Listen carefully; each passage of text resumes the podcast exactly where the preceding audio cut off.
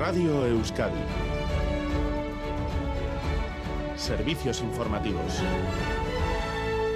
Las noticias de las nueve buenas noches les venimos contando que el viernes la mascarilla dejará de ser obligatoria en los centros de salud de Euskadi gracias al descenso de la incidencia de la gripe y la COVID durante dos semanas consecutivas. La obligación ya había decaído en buen número de comunidades como Madrid, Galicia, Castilla-La Mancha, Castilla, León y Valencia.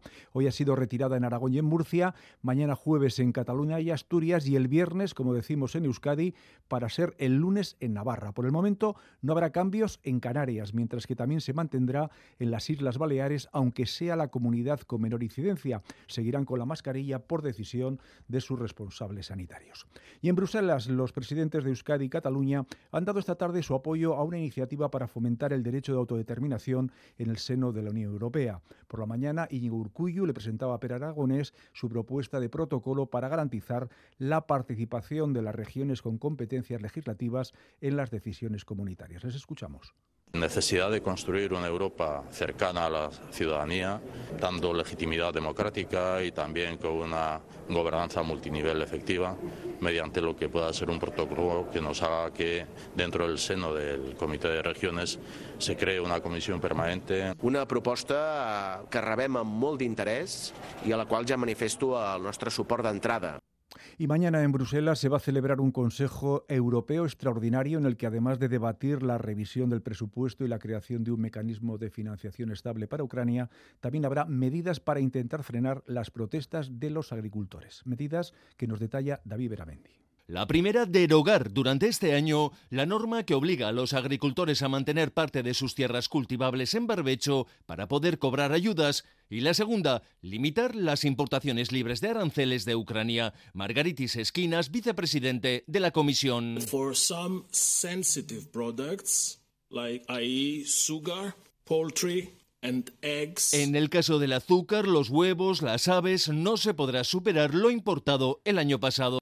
Y esta noche en Bilbao se celebra el preestreno de la serie de EITV El Detective Touré, un preestreno en la sala BBK en donde por la mañana ha estado el elenco al completo. Escuchamos al protagonista Malcolm Treviño y a la actriz Loreto Mauleón. Y Touré, lo digo mucho, ¿no? Que Touré no es Colombo, no es, Jessica Fletcher, es un tío pues muy normal que de repente tiene tanta intuición y tanta inteligencia que es capaz de resolver casos. Él lo intenta, pero es patoso, es, es, es, es entra con el pie izquierdo, es como un elefante en una cacharrería, yo qué sé, él pero acaba resolviendo cosas. Es un poco Mr. Bean y Sherlock Holmes. Para empezar tenemos a un protagonista negro que hasta ahora no ha habido y es algo que no se entiende, pero bueno, es así, ¿no? Ha llegado el momento por fin. Muchos géneros mezclados, tenemos thriller, comedia, incluso alguna lagrimilla yo creo que va a caer. Es como un mix que, que resulta muy, muy interesante. Los tres primeros capítulos de la serie se podrán ver a partir de mañana en la plataforma Primeran de EITV. Tiempo ahora para el deporte con Osasuna y Bilbao Basket como protagonistas. Edu García, cuéntanos. Gabón, ¿qué tal? El primero con derrota, caído ante el conjunto del Barça en el Just Compines por 1 0 en el partido aplazado de la jornada 20 de Liga en Primera División. Lástima porque Osasuna ha jugado bien. Rafa, ¿qué tal? Gabón, cuéntanos un buen primer tiempo. Ha conseguido Gamón irse al tiempo de descanso con el empate a cero en el marcador. En la segunda mitad, el tanto en el minuto 18 de Víctor Roque adelantado al Fútbol Club Barcelona, probablemente en la fase en la que ha sido claramente dominador del juego. Posteriormente, en el 21, Unai García ha visto la segunda cartulina amarilla en una jugada innecesaria. Ha dejado a su equipo con 10 jugadores. En ese momento, Osasuna ha sido capaz de dar un paso adelante. Los cambios introducidos por Yago Barrasete le han permitido llevar incluso el peso del partido y ha tenido hasta dos oportunidades en el minuto 30 y en el 30 un disparo de Raúl García y otro de John Moncayola, al que ha respondido bien Iñaki Peña. Derrota para los rojos en Montjuic, el conjunto rojillo que regresa de inmediato a la capital navarra para preparar el próximo encuentro en el Estadio Sahara frente al Celta de Vigo. Gracias, Rafa. Y en baloncesto, Bilbao Basket juega en Miribilla contra el Porto en la jornada de la FIBA Europe Cup, buscando el pase a cuartos de final en caso de victoria, aunque de momento va por detrás en el marcador. Hernández, cuéntanos, Gabón.